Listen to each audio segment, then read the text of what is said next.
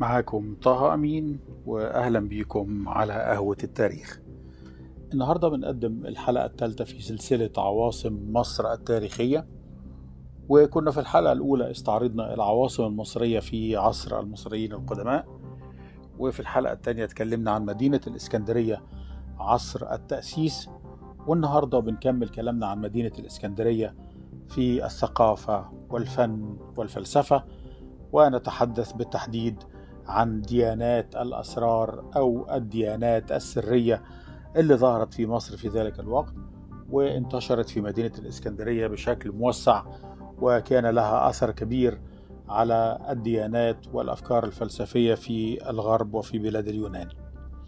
والحقيقة إحنا عشان نتكلم عن الديانات السرية أو ديانات الأسرار لازم نبدأ من عند الأسطورة. ونرجع تاني للحديث بتاعنا عن الأسطورة ونقول أن الأسطورة هي قصة حياة إله. ليس فيها أي دخل للبشر وتوضح لنا سبب أنه تحول إلى إله وتعرفنا بقدراته وتعرفنا بدوره في الحياة وتعرفنا إلى من إلى جانب من يقف وعن من يبتعد.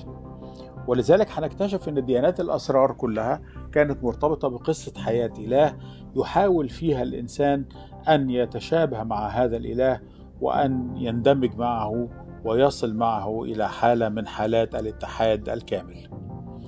الحقيقة أنه هنا في حتة ديانات الأسرار أو الديانات السرية إحنا بنتكلم عن اندماج كبير بين الأسطورة المصرية والأسطورة اليونانية والأسطورة الرومانية وحالة من المرونة تظهر في هذا الاندماج بتؤدي في النهاية إلى خلق كيانات جديدة وخلق آلهة جديدة وخلق فلسفات جديدة في ذلك الوقت. وكان عندنا هنا الحتة دي أو المسافة الزمنية دي هي المسافة الزمنية بين الديانة المصرية القديمة وبين ظهور المسيحية. وبالتالي ظهر عندنا مجموعة من الديانات نظرا للاتصال اللي تم بين المصريين القدماء واليونانيين أو الإغريق لما الإسكندر الأكبر غزا مصر وجاء الإغريق بكل فلسفتهم وبكل ثقافتهم وبكل دياناتهم وبدأوا يحاولوا ينشروا هذه الأفكار في مصر وبدأ المصريين القدماء يحاولوا يوجدوا نوع من التآلف بين الديانتين الديانة المصرية والديانة اليونانية. وفي بعض الأحيان كان هناك قصور من جانب الكهنة أو رجال الدين المصريين في تبرير وتفسير بعض المسائل الدينية ولذلك وجد الناس نفسهم في حالة من الاضطراب والفوضى.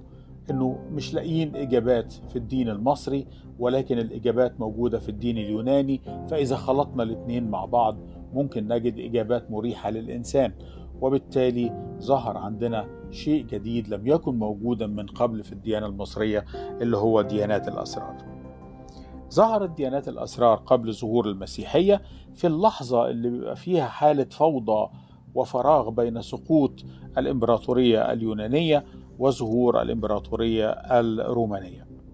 سبب تحول هذه الديانات إلى ديانات سرية هو اتصالها بالديانات اليونانية التي أثرت فيها وتأثرت بها، يعني لازم نعترف كمان إنه الديانات السرية ما كانتش قاصرة على مصر بس ولكنها انتقلت إلى اليونان القديم ودخلت على الفلسفة اليونانية وأخذت منها وأعطت لها وبالتالي أصبح البحر المتوسط كله والثقافة الهلينستية كلها بتتعامل مع الديانات السرية. إذا لو قلنا أنه نعيد تعريف الديانات السرية أو ديانات الأسرار في مصر نقول إنها ديانات يقوم أصحابها بطقوس غامضة تقتصر عليهم فقط وذلك لضمان أشياء محددة الحياة السعيدة السلام الخلاص في العالم الآخر. الديانة المصرية لم تكن تجيب عن مثل هذه الأسئلة. كيف يتم السلام؟ كيف يتم الخلاص؟ كيف يعيش الإنسان في سعادة في العالم الآخر؟ فكان لابد أن توجد هذه الديانات الجديدة والفلسفات الجديدة اللي ترد على هذه الأسئلة. الرابط بين هذه الديانات كلها هي طقوس التكريس. وطقوس التكريس هي الطقوس التي يدخل فيها المؤمن إلى هذه الديانات. طبعا هي ديانات لم تكن تتم في العلن في معظمها كانت تتم في أماكن تحت الأرض وفي أماكن في أنفاق محفورة تحت الأرض أو في بيوت سرية أو في بعض البيوت البعيدة عن أماكن العمران. وبالتالي كان يتم فيها تكريس أو إدخال المؤمن إلى هذه الديانة ويتم ذلك عن طريق التلقين. تلقين مبادئ الديانة وأولويات الديانة وطرق التقرب إلى الإله وكانت تبدأ بالتطهر اللي بيشارك فيه المؤمن الجديد في طقوس يعني كانت غريبة جدا يقصد بها التوحد مع الإله المقدس. وعلى عكس الديانات القديمة اللي كانت ديانات علنية زي الديانة المصرية أو الديانة اليونانية كانت ديانات علنية جدا ولم تكن ديانات تبشيرية حتى في معظمها. وكانت تعنى بالحياة اليومية وكانت تهتم بسلوك الإنسان وتهتم بأخلاقيات الإنسان في الحياة وتضع معايير للحياة اليومية عشان كل واحد يعيش في أمان ومحدش يظلم حد. الديانات السرية كانت تهتم فقط بالخلاص الروحي وتهتم فقط بالعالم الآخر. أسطورة الديانات السرية كانت بتتمحور دائما حول أسطورة تخص إله أو تخص منشئ هذه الديانة. كيف ولد كيف كبر كيف نشأ كيف تطور كيف أصبح إلها أو كيف أصبح منشئا لهذه الديانة. والسبب في نشأة هذه الفكرة هي أسطورة بعض الآلهة مثل الإله ديمترا وكوري وبلوتو وكانت كلها محاولات لتفسير أمور في الطبيعة تفسير دورة المحاصيل اللي هي هتكون في النهاية تعني البعث في العالم الآخر أو تفسير بعض الأشياء في الحياة اليومية مثل الأمطار وإلى آخره. وبالتالي المؤمنين كانوا بيؤمنوا بهذه الظواهر الطبيعية كنوع من أنواع الرمز للإله بتاعهم اللي هو هيسمح لهم بالتوحد معاه والعودة في العالم الآخر. كانت أسطورة ميثرا إله الشمس ومع ذلك كانت المعابد بتاعته بتكون تحت الأرض وأماكن مظلمة تماما. وفيها بعض الفتحات وبالتالي يتحكم الكاهن أو رجل الدين الخاص بهذه الديانة في إدخال الشمس إلى هذا المكان. والعملية دي كانت جزء من الطقوس اللازمة للقيام بهذه الديانة وللقيام بطقوس التكريس. الحقيقة عندنا مناظر قليلة حول ديانات الأسرار ولكن في بعض النقوش الموجودة على جدران المنازل القديمة والمعابد والمقابر بتوضح أفكارهم بشكل رمزي. زي مثلا ميلاد الأسرار في بومباي اللي هي في إيطاليا أو كانت في منطقة كوم الشقافة اللي هي موجودة عندنا في الإسكندرية. أهم ديانات الأسرار كانت ديانة ديونوسيوس وغرضها التوحد مع الإله وكانت مناظر التكريس فيها بتتم للفتيات باعتبارهم زوجات للإله ديونوسيوس.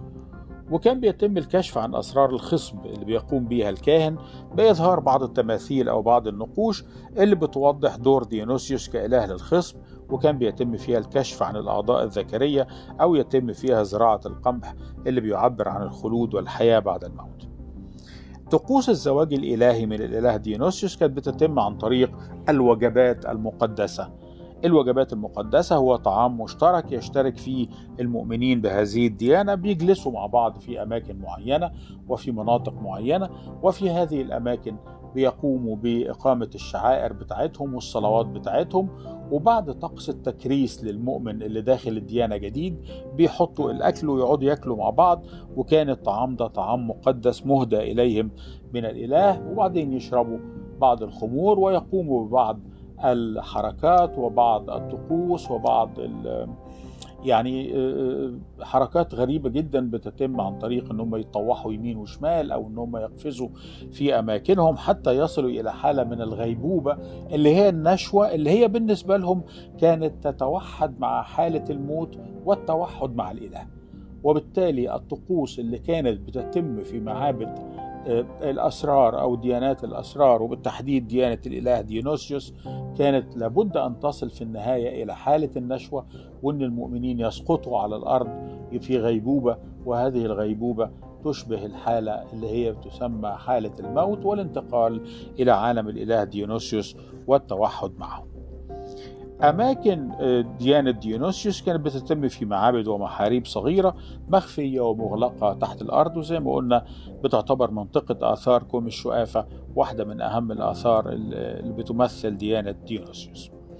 مكونات الديانة كانت بتتم أثناء الطقوس عن طريق تمثال إما تمثال معروض للإله أو تمثال مخفي يعني يقوم رجل الدين بإخفائه بشكل ما والناس تقف أمام المكان اللي فيه تمثال الإله وتصلي من أجله وكانت بعض الديانات السرية زي ديانة مثرى كانت بتتم من خلال نحت بارز أو غائر.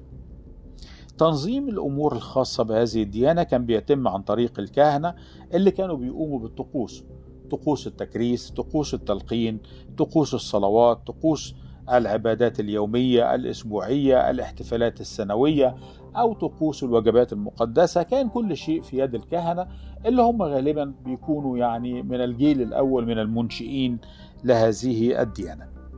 من أهم سمات ديانات الأسرار أنها كانت متاحة للجميع رغم أنها مخفية إلا أن من يعلم عنها شيئا ويؤمن بها ويريد الدخول إليها كان يتم قبوله بشكل يعني سريع.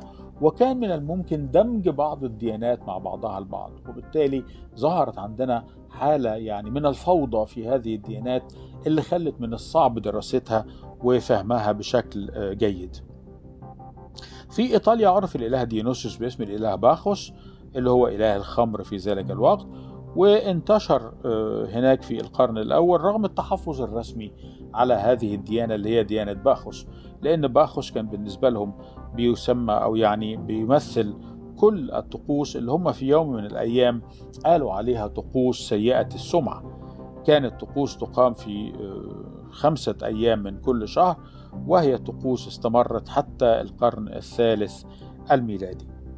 أتباع ديانة باخوس اعتبروها ديانة للانتصار على الموت أن الإنسان يموت ليعود مرة أخرى أثناء الحياة وبالتالي حالة الموت والعودة والموت والعودة مع كل مرة بتتم فيها هذه الطقوس هي بتعتبر انتصار على الموت والاحتفال بالحياة والتمسك بيها. وبالتالي هم بيشبهوا هنا الإله ديونوسيوس الذي عاد للحياة من فخذ أبيه بعد أن ماتت أمه حرقا.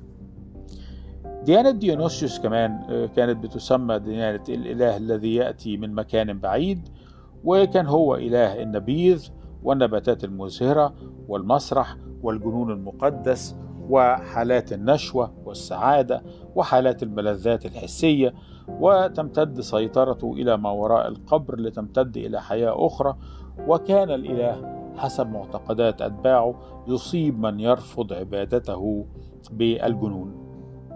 النساء في هذه الديانة كانوا بيرقصوا رقص تعبيري يعبر عن انجذابهم لهذا الإله وتزوجهم لهذا الإله وكان له أتباع كثيرين في بلاد اليونان. زادت الديانة بتاعت ديونوسوس انتشارا في القرن الرابع باعتبارها وعد بالحياة السعيدة في العالم الآخر. وبالتالي كان كل من يبحث عن السعادة في العالم الآخر أو يبحث عن الخلود أو يبحث عن الخلاص أو يبحث عن النشوة في العالم الآخر كان ينتمي إلى هذه الديانة. من أهم نقاط الضعف في ديانات الأسرار هو انتقالها من الشرق إلى الغرب. يعني انتقالها من ثقافة هي غريبة عن الغربيين غريبة عن اليونانيين وبالتالي يحتاجوا إلى وقت طويل ليفهموا هذه الديانة. والحقيقة طبعا أنه في كثير من الأحيان بيكون الحل هو أنك أنت تملأ الفراغات بما هو ليس موجودا في الديانة فتضيف إليها شيئا جديدا. العيب الثاني أو الضعف الثاني في ديانات الأسرار أنها كانت معقدة وفلسفية وكان فهمها صعب جدا على كثير من الأتباع ولكن كان الجانب الروحي اللي فيها بيؤدي إلى يعني انضمام الكثيرين إليها. في ديانة مصر مثلا اللي هي كانت إحدى ديانات الأسرار كان المؤمن بيمر بسبع مراحل. مرحلة الغراب وهي تربطه بالإله عطارد ومرحلة عروس مصر وهي بتربطه بكوكب الزهرة أو مرحلة الجندي وهي تربطه بكوكب المريخ أو مرحلة الأسد وهي تربطه بكوكب المشتري أو مرحلة الفارس وتربطه بالقمر أو مرحلة الرسول وتربطه بالشمس. والكاهن الأكبر اللي هو المعلم كان يرتبط بالكوكب زحل. وكل مرحلة من هذه المراحل هي عبارة عن ترقي حاجة كده تشبه الماسونية في العصر الحديث وكانت تشبه الترقي من مرتبة إلى أخرى أو من درجة إلى أخرى وكانت بتتم عن طريق طقوس جديدة في كل مرة. كل مرة الإنسان المؤمن يرتقي فيها في مرحلة كان لابد أن يقوم بطقوس تكريس جديدة بعد أن يمر باختبارات جديدة للشجاعة والتقوى ويليها الاحتفال بهذا الترقي ويكون الاحتفال دائما هو الوجبة المقدسة التي كانت تتم بشكل سري بين أضيق عدد من المؤمنين بهذه الديانة وكانوا بيرتدوا فيها بعض الأقنعة أثناء عملية الطقوس ومنها طقوس الاختبارات وطقوس التكريس. بعد كده عندنا ديانة إيزيس وسيرابيس ودي كانت خليط بين الآلهة المصرية والآلهة اليونانية ووصلت شمالا في أوروبا إلى ألمانيا وبريطانيا وكانت ديانة قوية إلى حد أنها في البدايات بيقال أنها نافست الديانة المسيحية على عدد المؤمنين في ذلك الوقت. ديانة الآلهة إيزيس وسيرابيس انضم إليها أيضا الإله حورس وكانت طقوس العبادة فيها طقوس يومية فكانت طقوس صباحية وتطورت بعد ذلك إلى أنها أصبحت ديانة عالمية انتشرت في جزء كبير من أوروبا. بعد كده عندنا الديانة الأورفية أو ديانة أورفيوس اللي هو كان يصور دايما على شكل موسيقي أو مغني أو زمار وهي ديانة يونانية فلسفية ليس لها معابد. يعني المبشرين بيها هم اللي كانوا يمدوا في الأرض ويشرحوا الديانة بتاعتهم. لم تكن ديانة نظامية. كان من يحتاج فيها إلى أنه يسأل عن شيء يتحدث مع رجال الدين فيها وكان يتم فيها بعض الطقوس ولكن في المجمل كانت هي ديانة يعني أكثر انفرادية وكانت تؤمن بالتقمص وكانت تؤمن بأنه النساء هم يعني ينتقلوا إلى عالم الإله أورفيوس وكانت ديانة في بعض الأحيان بتتم فيها الطقوس بشكل يعني غير مقبول فكان الناس بتقوم بهذه الطقوس وهم عرايا ويتحركوا بشكل يعني مثير. أصبحت الديانات السرية معاه ذات سمعة سيئة زي ما قلنا قبل كده. الحقيقة أنه في خلط كبير عند كثير من الباحثين والدارسين لتاريخ الديانات السرية بين الديانات السرية والمسيحية. على اعتبار بعض المصطلحات المشتركة زي مصطلحات الأسرار ومصطلحات السلام والخلاص والسعادة والحياة السعيدة في العالم الآخر. وهذا الجدل مستمر حتى الآن والحقيقة أنه كثير من الدارسين بيقولوا أنه يعني الديانة المسيحية أخذت الكثير من ديانات الأسرار وأنا أعتقد أن هذا خطأ كبير جدا. أنا أعتقد أنه تاريخيا كانت المسألة هي أنه رجال الدين المسيحيين استخدموا بعض المصطلحات البسيطة لشرح الديانات المصرية للناس. الديانة المسيحية آسف لشرح الديانة المسيحية للناس. لأنه الناس ما كانتش هتفهم ببساطة هذه الديانة الجديدة. ولذلك كانوا محتاجين رجال الدين المسيحيين أنهم يستخدموا المصطلحات المنتشرة في المجتمعات في ذلك الوقت عشان يفهموا الناس الديانة المسيحية. ولكن ليس هناك علاقة بين الديانات السرية والديانة المسيحية. الخلاصة في موضوع الديانات السرية أنها ظهرت كرد فعل لقصور كهنة الديانات القديمة على الرد في عن إجابات أو البحث عن إجابات لأسئلة كثيرة. لم يكن الإنسان يسألها في ذلك الوقت وتعبر هذه الديانات السرية عن حالة تطور عقلي وفكري وفلسفي بالنسبة للإنسان في ذلك الوقت حتى أن الديانة أصبحت تنتقل من الجانب العملي على الأرض إلى الجانب الروحي وتغلب الجانب الروحي وجانب السعادة في العالم الآخر عن الجانب العملي المعروف على الأرض وعن الجانب الطقوسي اللي كانت بتهتم بالديانات القديمة. بشكر حضراتكم على حسن الاستماع.